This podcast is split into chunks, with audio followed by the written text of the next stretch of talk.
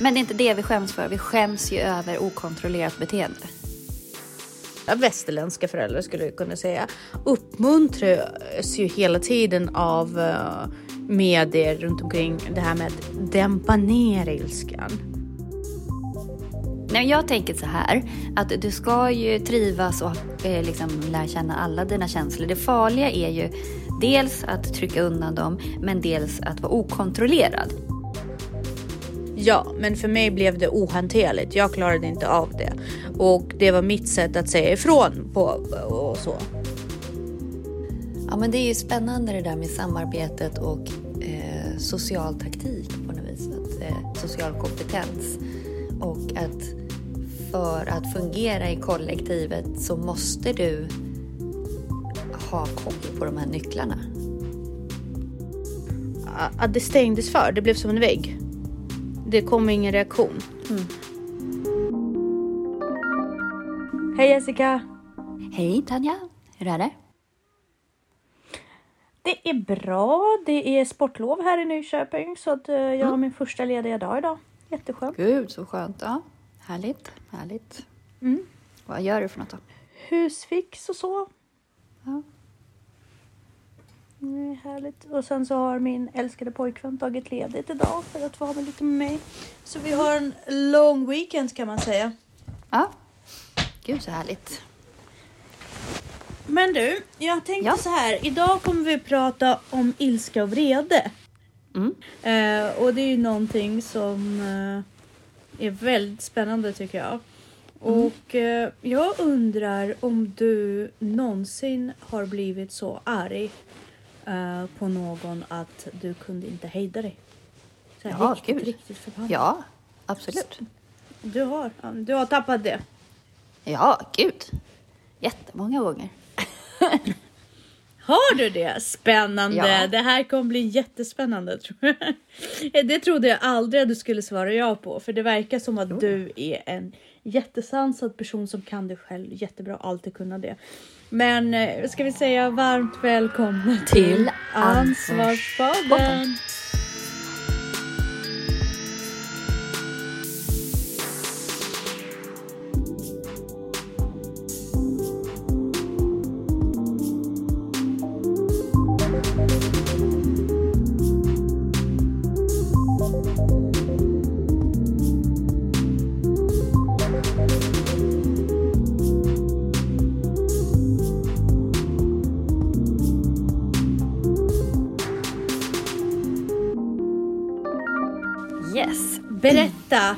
När har du Nej, men alltså, tappat det? Tappat det i, på så sätt att eh, man blir argare än vad man hade önskat att vara. Och sen så... Mm. Men jag är fortfarande någon sekund innan som jag väljer att gå hela vägen ut. Eh, men det är alltså... Så. Mm. Sen så kanske det inte är ett bra val där och då. Men om vi säger så här, mm jag är alltid medveten om vad jag gör. Men sen kanske det inte var det bästa beslutet. Alltså sen, i efterhand, eller liksom, det är väl klart att man skulle aldrig vilja brusa upp. Och jag har, jag har bollat med det där jättemycket, huruvida det är okej att tappa mm. det eller inte. Samtidigt mm. så, jag tror att det är nyttigt att ibland bara, här går gränsen. Och den går här. Om, mm. om, om, sen så är det klart mm. att man, det är inte så skönt att vara så sur och arg hela tiden, men om då, de gånger jag tappar det, det är antingen när någon är fullständigt liksom respektlös, eh, barn är mm. elaka mot varandra, eller eh, ja, men där gränsen har gått för så länge sedan att det, liksom, det här är mm. inte ett acceptabelt tillstånd. Eh, mm. Och det har hänt ett par gånger, både på jobbet och den som mest har råkat ut för eller man ska säga, det är min yngsta son. Mm. Eh, och det, det, är nog, honom är nog den enda jag verkligen, alltså som jag har tappat det, alltså verkligen riktigt tappat det. Eh, så. Eh, för att han är så respektlös med regler eller förhållningssätt, eller så envis i sitt liksom, det här ifrågasättandet hela tiden och inte accepterar mm. att även om man får självklart fråga och liksom vilja ha en förklaring mm. och sådär. Men när man bara inte ger sig och jag ber honom att sluta och jag försöker gå därifrån för att inte liksom, och han fortfarande är på en som en igel. Eh, när man liksom mm. är helt inträngd i ett hörn, då har det exploderat för mig. Mm. Eh, vilket han inte uppskattar alls. Och jag uppskattar inte det heller, för att jag mår ju också jättedåligt Nej. av det. Alltså jag blir, man mår ju dåligt av att bli upprörd. Ja, ehm. och där är också en fråga som jag tänker så här, eh, för att jag tänker att, ja men främsta anledningen till varför ilska finns överhuvudtaget. Nu pratar vi inte vrede utan mm. vi pratar ilska. Och vi kommer att prata lite mm. grann om uh, skillnaden mellan dem uh, lite längre fram. Men jag tänker ilska finns ju för att markera en gräns. Varför skäms mm. man för att man markerar en gräns? Varför känner vi det här Nej, ånger att, och skam? Det inte, men det är inte det vi skäms för. Vi skäms ju över okontrollerat beteende. För det finns ju en, ett, något nedvärderande i samhället. I alla fall jag skäms för det, för att jag själv ser ner på folk som mm. tappar. Jag ser ner på jag okontrollerat beteende, alltså, något otroligt. Mm. Ja, för jag tycker inte att det mm. är okej. Jag tycker att det är obehärskat och det kan är... Du... Eh, mm. Ja, så att, så att det är väl det, att man liksom eh, inte beter sig så som man önskar att man skulle Men kunna bete det, sig. Samtidigt kan som... man utöva Eh, förlåt att jag avbröt dig, men kan man utöva kontrollerad ilska? Ja, men precis. Det har ju vi pratat om för ett par år sedan. Mm. När vi pratade om att jag brukar, jag brukar låtsas att vara argare än vad jag är mm. när jag fortfarande är kontrollerad. Alltså att jag liksom... Eh, men då är du inte ilska ja, på riktigt? Nej, nej det är det ju inte. Eh, men det är inte alla som kan skilja på det. Just för att man inte nej. ska tappa det. Eh, men mm. ilska är ju, alltså här, gränsen är nådd och nu, ja men så här, det räcker nu. Eh, just för att, mm. frust, alltså när ingenting annat funkar. Om du tar en grupp mm. elever till exempel, som inte följer några regler, som tjafsar och liksom har hetsat upp sig och, liksom, och ibland enda sättet att nå fram, de gånger jag har blivit så här mm. arg, så är ju enda sättet, då har man ju försökt innan och bara liksom tilltalar dem, men det, det går ingenting går fram. Nej. Då för att inte det ska bryta ut i någon kalabalik med slagsmål och grejer så har jag sett enda vägen att så snabbt som möjligt styra upp det här. Det är att bara så här, nu räcker det! Alltså verkligen så här. Ja, precis. Få ett utbrott. Och då blir de ju tysta på en mm. gång. Men det är ju en sorg, tycker jag. Och det har ju med det är ju det som är hela problematiken i skolan idag och med barn mm. och hur de förhåller sig till varandra. Alltså det är en uppfostringsgrej. Och det säger jag till dem också så här, det, det, det är ovärdigt att jag ska behöva gå till jobbet och bli arg. Det är ovärdigt att ni ska behöva sitta här på ert jobb och att, att, det, att man blir arg på er. Alltså mm. det är mm. inte okej. Okay. Mm. Alltså ni ska Nej. reagera på vanlig samtalston och ni ska veta hur man beter sig. Och att man inte håller på och tjafsar. I, men det är ju det här att, att barn, varför det kommer dit tror jag barn är så vana vid att, att tjafsa med föräldrar och liksom min yngsta tjafsar ju hela tiden. Mm. Ja, och också det här att man ska, min åsikt ska minsann höras. Alltså det kan vara mm. ett barn som, som upplever någonting, uttrycker det. Då ska den andra tjafsa emot och förklara mm. och sen är det ju liksom ett fullskaligt bråk. Alltså så här tjafs ja, där de står och skriker ju, på varandra. Jag har också märkt att barn Alltså jag kommer ihåg när man växte upp och så sa man sin egen åsikt och då kunde mina vuxna i min omgivning säga eh, Tack för din åsikt. Vi tar till oss det när vi mm. behöver, vid behov. Liksom så. Mm. Väldigt, mm. ändå tycker jag pedagogiskt eh, brukade min pappa mm. göra det i alla fall. Mm. Men också markera att just nu väger det inte in. Jag upplever ju att barn blir väldigt kränkta om man säger din åsikt väger mm. inte in just nu. Nu har jag hört Nej, det, precis. men det väger inte in. Då ja. ifrågasätter de det. Och liksom när man börjar prata om, ja därför du saknar erfarenhet, det är inte någonting relevant just mm. nu. Och jag har faktiskt mm. rätt att inte lyssna på din åsikt fram till att du fyller, eller lyssna gör jag, men att inte ta till det förrän jag själv känner för det tills du en, till en viss, alltså, för du, mitt ansvar, inte tvärtom. Så det är mitt ansvar att mm. avväga om det här väger in eller inte. Då blir de kränkta. Ja, ja, men de det är som på riktigt om, kränkta. Idag. Jag har det någon elev så händer det flera gånger i veckan så här. Jag vill inte vara med för jag tycker inte att det här är kul. Alltså, mm. det har inte med saken att ja. göra. Alltså, det här att, att barn idag hela tiden ska få ha en åsikt om allting. Mm. Alltså att, mm. att de inte förstår att de är i skolan av en anledning som är ett samhällsansvar. De är inte där men... för att ha massa åsikter. för att om de kunde ha... Det finns ett forum där barn kan tycka och tänka och man tar hänsyn mm. till dem och så. Mm. Men de kan inte styra undervisningen. De, kan inte, de blir typ sura om de kommer in och bara, kan vi inte göra det här idag? Fast mm. det finns en läroplan. Det finns mm. en planering för hur man ska liksom, eh, jobba med alla färdigheter och bedöma dem och så.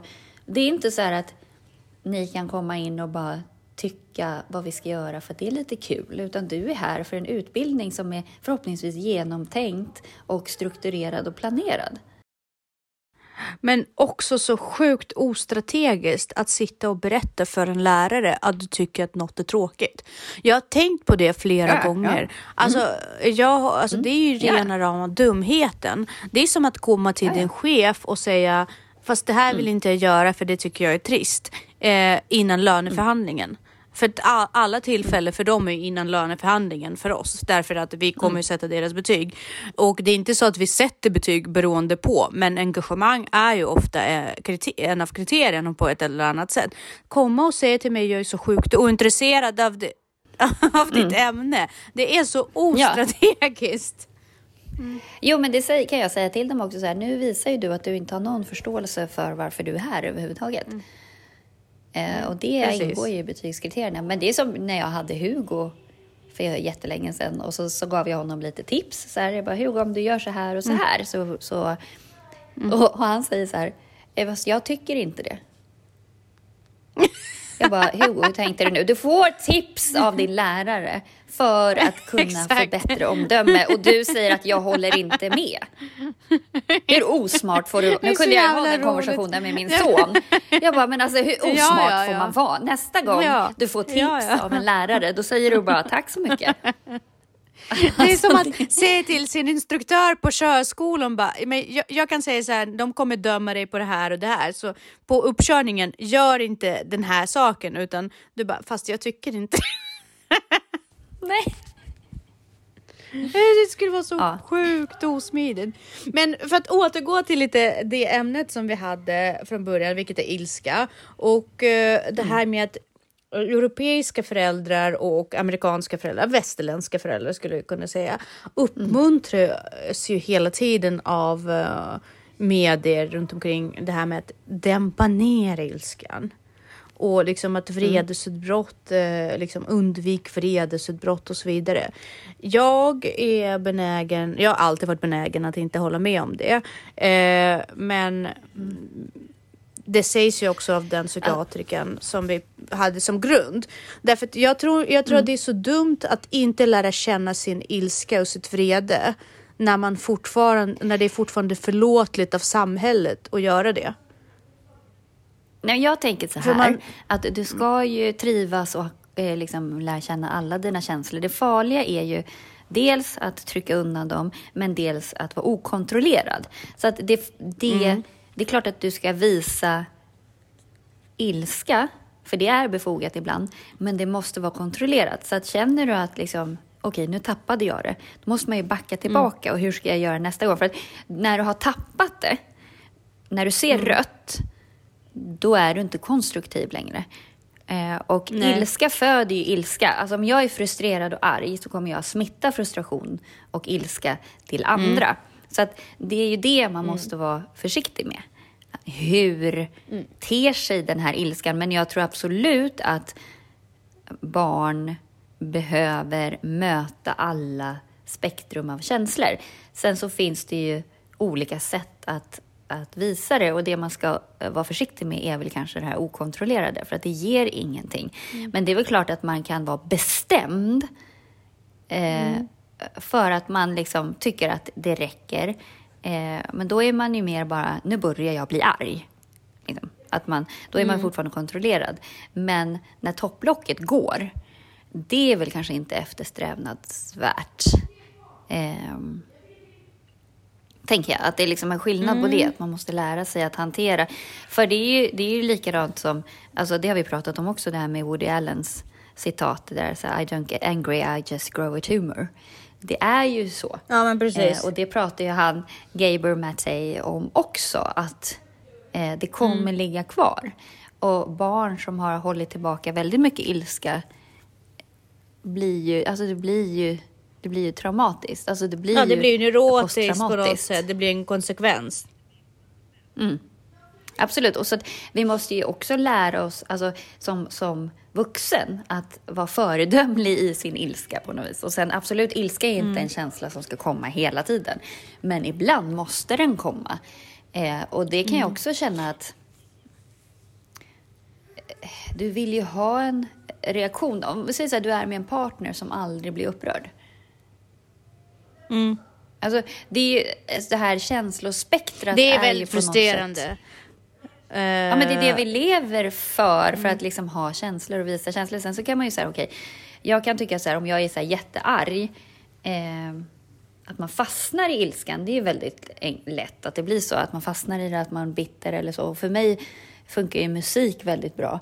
Jag har ju sån här, mm. min sån här riktiga, alltså om jag är arg och ledsen och frustrerad och fast i mina tankar och sådär, att typ eh, sjunga med i Chess är mm. fantastiskt. För den, hela den musikalen är så arg och frustrerad.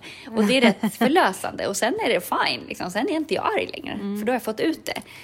Eh, mm. men, eh, men det är klart att det är inte roligt att ha en partner som tappar det. Alltså, du får inte bli så arg att du inte kan fortsätta att prata och resonera.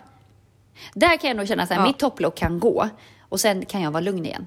Eller lugn är jag inte, mm. jag är mer bara, sen är jag helt resignerad. Att jag är bara så här, helt otroligt, känner jag. Liksom. Mm. Att så här, jag, alltså nu, jag, det här är så... Man blir ju arg när det är så bortom gränsen att man bara... Mm. Ja.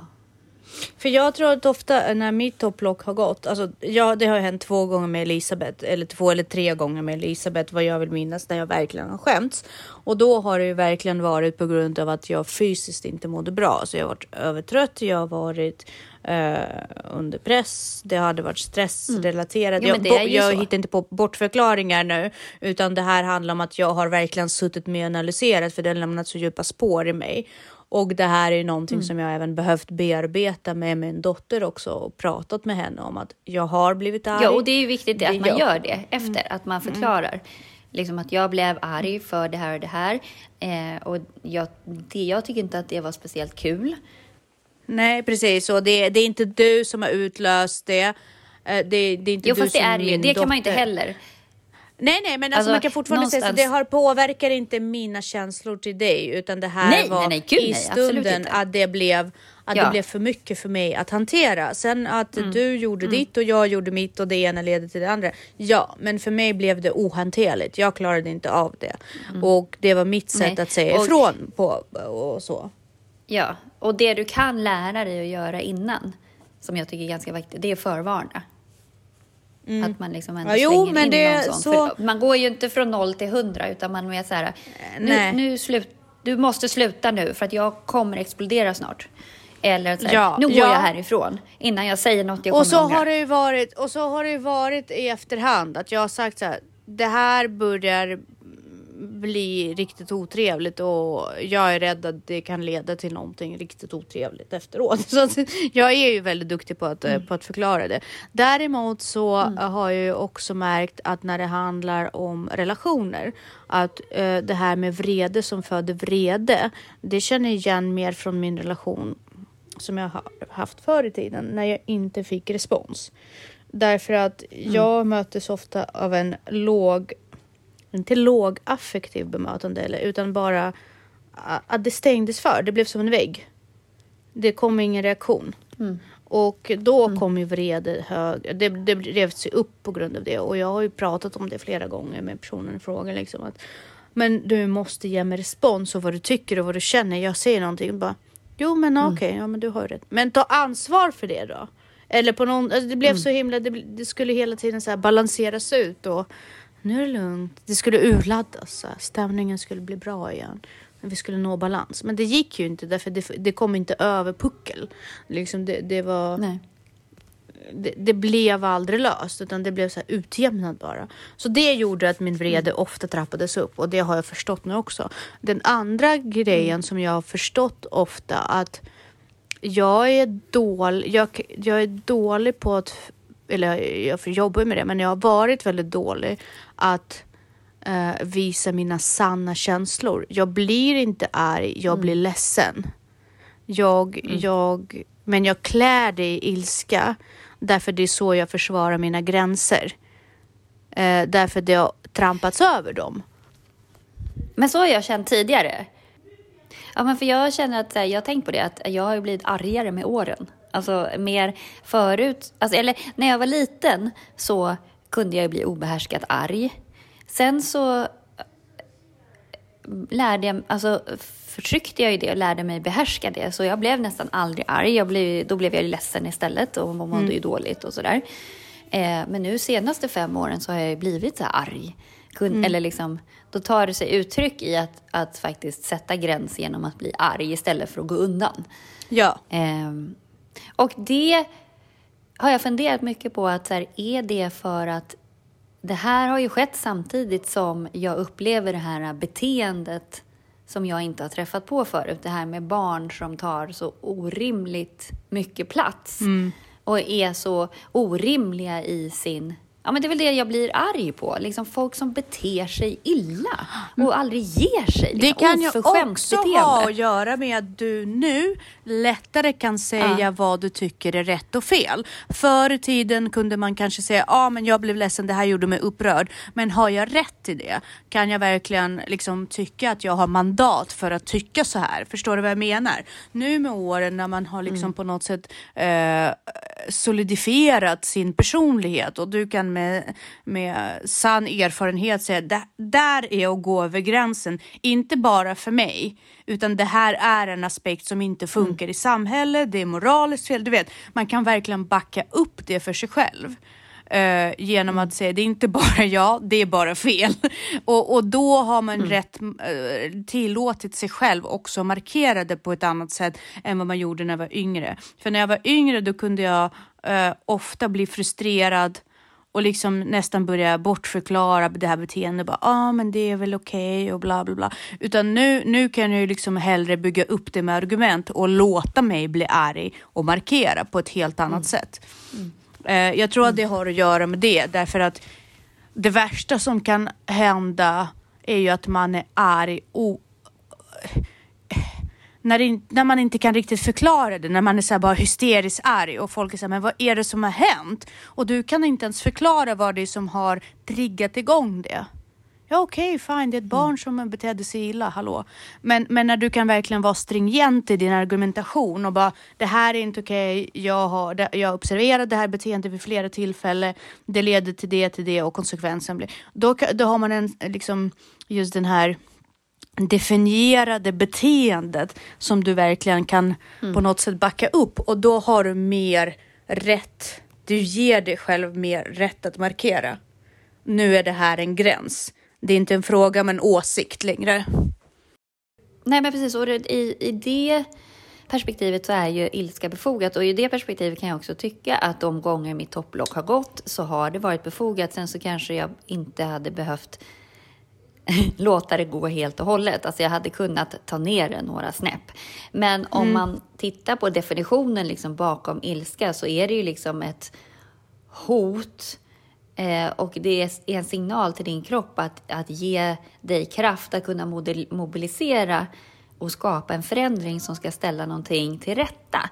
Så att om vi har en situation som håller på att urarta så är ju ilskan ett sätt att snabbt ändra riktning på något vis. Uh, ja, du har ju alldeles rätt i det resonemanget också, men sen man får ju inte glömma heller att alltså, du och jag har valt ett yrke som har att göra med ledarskap och eh, jag tror att med erfarenhet så inser vi också hur viktigt det är att vara väldigt tydlig. Mm. Och vad som händer om den här tydligheten fallerar.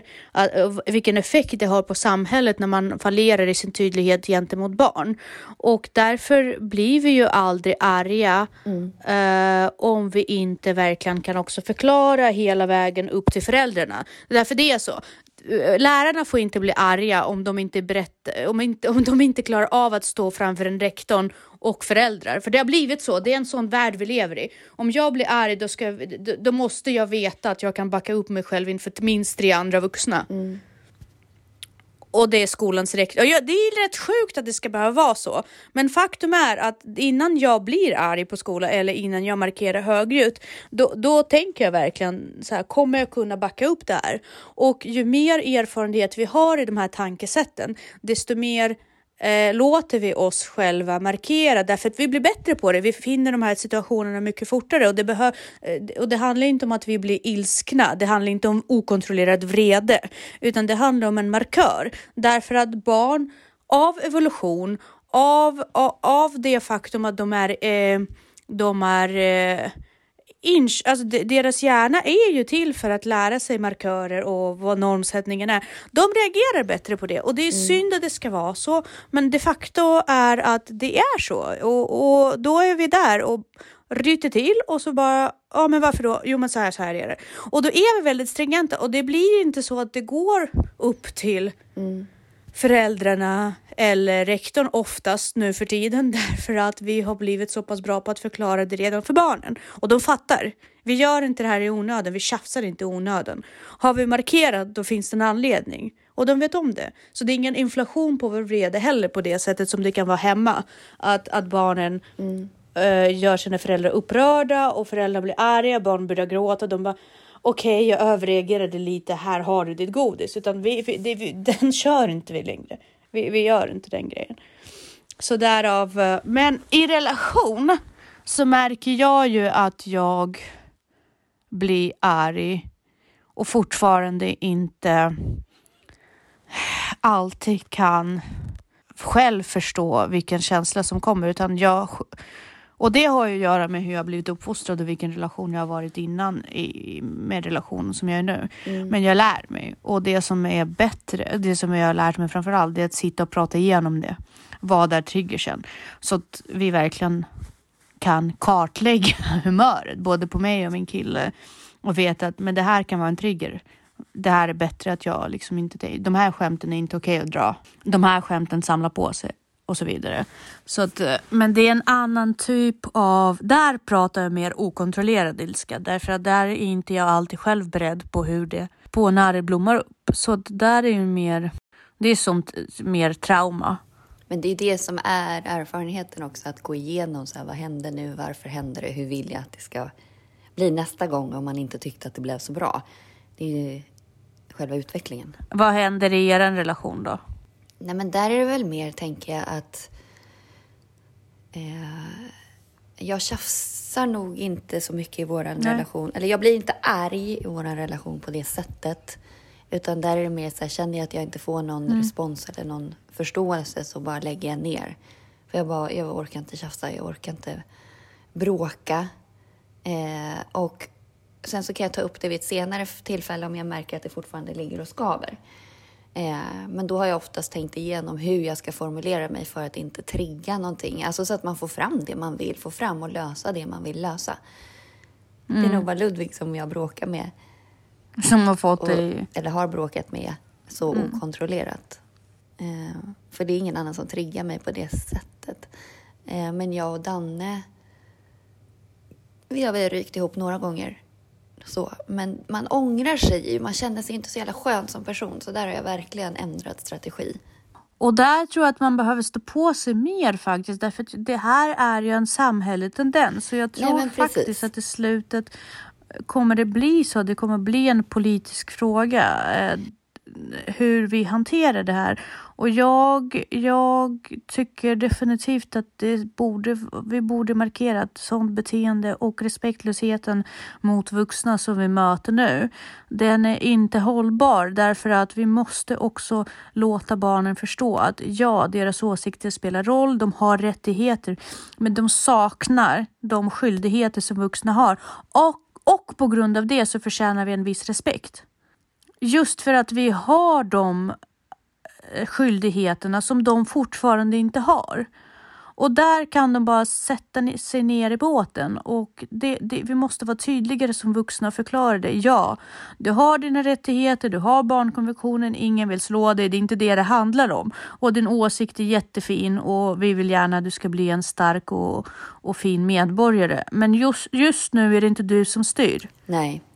Så bara respektera det faktum. Och jag tror att det är där vi har tappat det. Vi har inte varit tillräckligt tydliga som ledare alltid och, för, eh, och inte heller när vi pratar med föräldrar. Att vi har varit, för det, det kom så snabbt, det här skiftet, det kom så snabbt till att föräldrar, inte heller föräldrar behandlar oss som auktoriteter längre. Och att föräldrarna tillåter sig själva att inte vara behandlade som auktoriteter hemma. Och jag tror att vi måste mobilisera mer som vuxna och förklara det för barnen att det här handlar inte om rättigheter. Mm. Utan det handlar om ansvar och än så länge så har inte du, du är inte redo. Så vänta ut tills du blir tillfrågad. Uh, för det kan verkligen skita sig. ja, precis. Och det där är ju ett problem att barn ska vara med och bestämma eller tror att de kan vara med och bestämma överallt och också har ganska respektlöst eller respektlöst ska jag inte säga utan mera liksom mm. Eh, mm. icke insiktsfullt sätt eh, just mm. när man närmar sig att ifrågasätta saker, ifrågasätta allt och ifrågasättandet mm. är ju luststyrt och där har man ju också det här man pratar mycket om skärmar och man pratar mycket om Eh, uh, dopamintriggers. Men det här att ett barn inte låter en reel eller en grej på skärmen komma upp i mer än kanske en sekund innan man kan avgöra om det är tråkigt eller kul och fortsätta titta på. Man bara swipar vidare eller bara scrollar liksom. Eh, det finns ingen uthållighet och den är jättefarlig. Och det skapar en frustration hos oss när vi skolan kräver uthållighet, kräver tålamod, kräver insikt och förståelse och reflektion. Men du kommer mm. aldrig dit. Ja, och, och vad, vad, men vad leder det till? Ja, precis. Vad leder det här det till? Liksom, ja, men vad det här också, den bristande taktikkänslan. Att ifrågasätta saker som bara avslöjar att du inte har någon insikt, du har ingen förståelse, du har inget intresse. Jag hade ju också en situation här i skolan att Eh, en elev trodde sig ha hört en sak som en annan hade sagt och då gick till den här tredje personen som det var då sagt om, supposedly. Eh, och sen säger den andra så här, men det var inte det jag sa. Du hörde fel. Och den bara, nej. Nej, jag hörde att du sa det. Och så blir det världens bråk. Att man liksom, varför vill man bråka? Om någon säger att nej, men det var inte det jag sa. Eh, dels sätter man ju någon annan i skiten man gör en tredje person ledsen istället för att bara tänka sig, ja oh, men gud vad skönt att det inte var så här. Folk var inte taskiga mot varandra utan man vill typ att någon ska vara taskig. Man vill att det ska bli en konflikt. Den är så konstig. För det ser jag mer och mer hos barn att det finns någon form av elakhet i det där. Nej, men det är inte att man vill skapa konflikter, det är att man vill ha makt. Det är makten. Man vill åt makten. Därför att man tror att man har rätt till makten. Att vara vuxen är förutom ansvar en makt. Om man känner att man har rättigheter, då måste det in, in, i deras huvud inkludera en viss makt. Och det här är ett sätt, det här är en eh, maktsugen liten unge. Så man måste förklara till den att du har inte rätt till den makten därför du ser vad du gör med det. Du missbrukar det. Makt får man ha om man vill använda det för fred, inte för krig. Då klarar man av att ha makt. Men gör du det, tar du din makt, tar du din åsikt och tar du din rättighet för att uttrycka någonting och gör det till någonting destruktivt, då visar du ju själv att du inte är redo för makt och då väljer jag att inte lyssna på din åsikt i den här frågan. Och jag uppmuntrar andra att inte göra det för du är inkompetent till att ha din egen åsikt. Du har precis förklarat det själv. Du, du har Nej, men alltså det, barnet fattar inte det, men kompisarna måste ju förstå när du säger så här. Ja, men jag, jag säger så här. Om den här personen är så envis att den vägrar höra att det här var en felhörning, lyssna inte på den. Jag, den klarar inte av det här. Den klarar inte av att ha en åsikt. Den klarar inte av att förmedla rätt eh, sanning. Lyssna inte på den. Den får tro vad den vill. Ja, men det känns ju också ändå så här att då hänga ut någon och säga att den har fel. Hur? Ja, men alltså nej. Du, men uppenbarligen så är vi ju, alltså vi fostrar våra barn och det står så här, i att vi ska kunna samsas och respektera varandra. Eller hur? Om du inte respekterar att den andra personen inte har uttryckt det du säger den har uttryckt och det är ändå den personen det handlar om. Den måste veta vad den har sagt och du säger att du har hört. Då, då måste man göra skillnad på vad som har sagts och vad som har hört och då kan du säga. Då kan man ju ändå säga så här, fast det som har hörts, det har inte sagts. Ja, precis. Och det är där frustrationen blir när då den här personen som mm. hävdar det, ja, det inte ju... tror på det. Eller jag vet, alltså, jag hörde det, jag tror liksom. Mm. Nej, ja, men det är för det. att du har inte, uh, det här med, med rättigheter har inte gått upp i huvudet på dig. Det är därför de hela tiden skriker att de blir kränkta. Och det är därför de hela tiden säger jag har rätt, jag har rätt. För de fattar inte vad en rättighet är. De tar rättighet som makt att bestämma. Det är inte samma sak. Och när de är små, precis som att de kan vara lite giriga eller de kan missbedöma andra sociala situationer, samma sak gör de med makt. För makt är kul, man styr. Det går tillbaka till att man är en liten egoist innan man har börjat förstå vikten av samspel. Och det är ju därför vi behöver lära dem vikten av samspel. Att Ja, absolut. Du, du kommer få makten så småningom, men det ligger också i ditt intresse att samspela med andra, annars kommer du bli eh, socialt utsatt. För ingen kommer vilja det.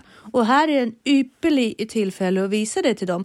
Absolut, vill du hellre ha rätt eller vill du hellre ha kompisar? Ha rätt, men då uppmuntrar jag dina kompisar att inte lita på vad du säger. Därför det är viktigare för dig att ha rätt än att ha vänner. Den är hård. Särskilt när vi har tagit gemensam tid från andra. Vi har tagit resurser, de sociala resurser för att tillgodose dig. Men du har fortfarande valt att vilja utöva makt. Varsågod, då är det här en, en det är en det, du har fallerat, du har misslyckats i den här sociala normen och du kommer få fler chanser och du kommer få behöva öva. Men i dagsläget så är det här ett socialt misslyckande, tyvärr. Därför att du ville, du, kun, du lyckades inte att samspela med dina vänner som ändå sträckte ut handen. Jag tycker att det är en problematik. Det är svårt. Hur ska vi annars lära dem? Nej, och det, det är det som är poängen tänker jag, hur lär man dem? Hur backar vi från det här? Hur lär man dem att de inte alltid kan vara med och bestämma i allting? Att de inte alltid kan få sin vilja igenom? Hur lär man dem att återigen kunna ingå i ett kollektiv? För det tråkiga är ju att behöva bli arg och att, att höja rösten är det enda sättet att nå fram. Ja, och jag tror att eh, det som är också värt eh, att nämna just det här när man utbildar sina barn i känslor och pratar med dem om känslor och förklarar känslor så måste man också vara ganska tydlig med att ilska är dels ett sätt att markera sina egna behov eh, och sätta en gräns. Men det är också eh, någonting som kompromissar kontrakt, det sociala kontraktet med andra. Så man måste fundera på om man ska dra det kortet, om det är det viktigaste. Det, och, och där tror jag att vi tappar lite i det här egocentriska eh, samhället som vi har nu. Vi har tappat lite, de har tappat lite grann vad ilska gör och vad de förlorar när de vägrar uppvisa en viss social flexibilitet utan bara hävda sin egen rätt och ta till sig ilska för att stå på sig själv. Uh, på ett onödigt sätt. Så jag, nu vet inte jag om den här eleven blev arg eller inte som bara stod på sig och ville bråka. Men det är ju ett misslyckande, ett generellt misslyckande i uh, det sociala kontraktet. Och det är någonting som vi som lärare måste visa dem på ett smidigt och barnvänligt sätt. Att glöm inte att du fungerar inte som en självständig ö. Du är en del av ett samhälle där alla byter ut någonting av sig själva och kompromissar någonting av sig själva för att få ut så mycket mer. Och det tror inte jag de har fattat. Jag tror att de tror att de, de har tillskansat sig att det är som en rättighet. Som att det aldrig kommer bli ifråntagen. Men det är dumt för att det är inte så. det handlar egentligen om, för att minska ilska och frustration så handlar det mer om att vilja bemöta och vilja ingå i kollektivet, tänker jag. Ja, just för att den har högst social pris i efterhand. Och det är ju det vi också måste förmedla till våra barn, varför det är så och vad vi måste offra i, i termer av vår identitet och vad vi får tillbaka i termer av uh, social trygghet, inte bara pengamässigt utan jag menar som att vara en del av flocken och hur man bäst balanserar ut det. Ja, men det är ju spännande det där med samarbetet och eh, social taktik på något vis, att, eh, social kompetens och att för att fungera i kollektivet så måste du ha koll på de här nycklarna. Ska vi sätta en punkt där? Det gör vi. Du får ha en härlig vecka. Tack för denna vecka. Tack och hej. Hej.